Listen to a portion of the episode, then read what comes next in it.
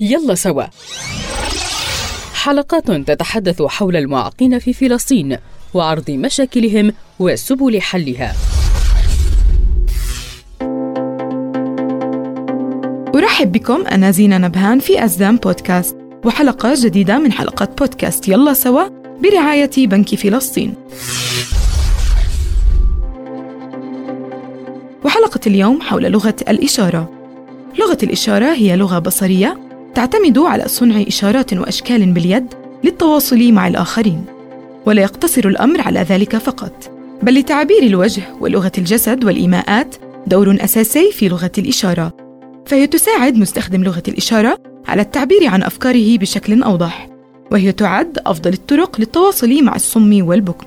يستفيد ذوي الإعاقة السمعية من لغة الإشارة بشكل كبير من أجل التواصل وخاصة الأشخاص والأطفال الذين لا يستخدمون الأجهزة التي تساعد على السمع أو لم يجروا عملية زراعة القوقعة. ومن هذه الفوائد تمكن الطفل من التعلم بشكل أفضل. تعزز من ثقته بنفسه وتقلل من انزعاجه. أما عن طرق تعليم لغة الإشارة فهي التعليم الشفوي وتكون دون استخدام الكتابة. الإشارات اليدوية وتكون عبر تحريك اليد. التلميح ويتم فيها استخدام حركات اليد مع استخدام لغة الشفاه. التهجئة بالأصابع. تعتمد على الحروف الأبجدية التي يتم تمثيلها من خلال استخدام الأصابع. اللفظ المنغم.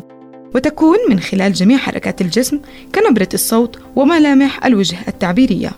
وأخيرا الاتصال الكلي.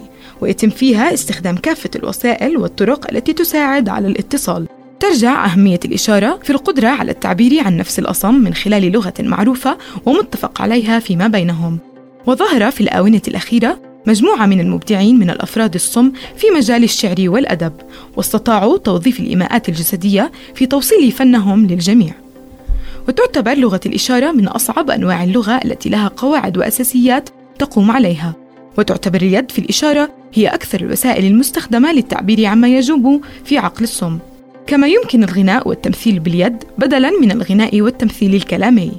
وأخيرا هي مهمة في حياة الفرد الأصم من أجل الشعور بالتوازن والتكيف مع البيئة ومحاولة تنمية قدراته للمشاركة في الحياة الاجتماعية وتوسيع آفاقه في المجالات المعرفية والمهنية والثقافية.